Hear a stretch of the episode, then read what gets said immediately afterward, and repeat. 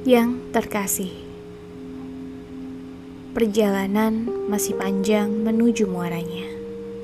Lembutnya desir rindumu menyapaku, yang kini tengah dilanda sepi. Adakah di sana bisa lagi kujabat erat? Seperti kala itu kau tuntun aku berjalan pertama kali, memelukku erat, kala ku terjatuh dalam sendu. Dan senyuman hangat itu menyapaku ketika ku kembali. Ketika jarak masih menjadi pembatas, ku hanya bisa mendengar suaramu. Tapi yang selalu ku tahu, doa selalu kau panjatkan untukku tak habis-habisnya.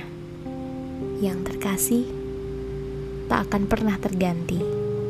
Tunggu aku sampai ku kembali. Aku akan pulang untukmu.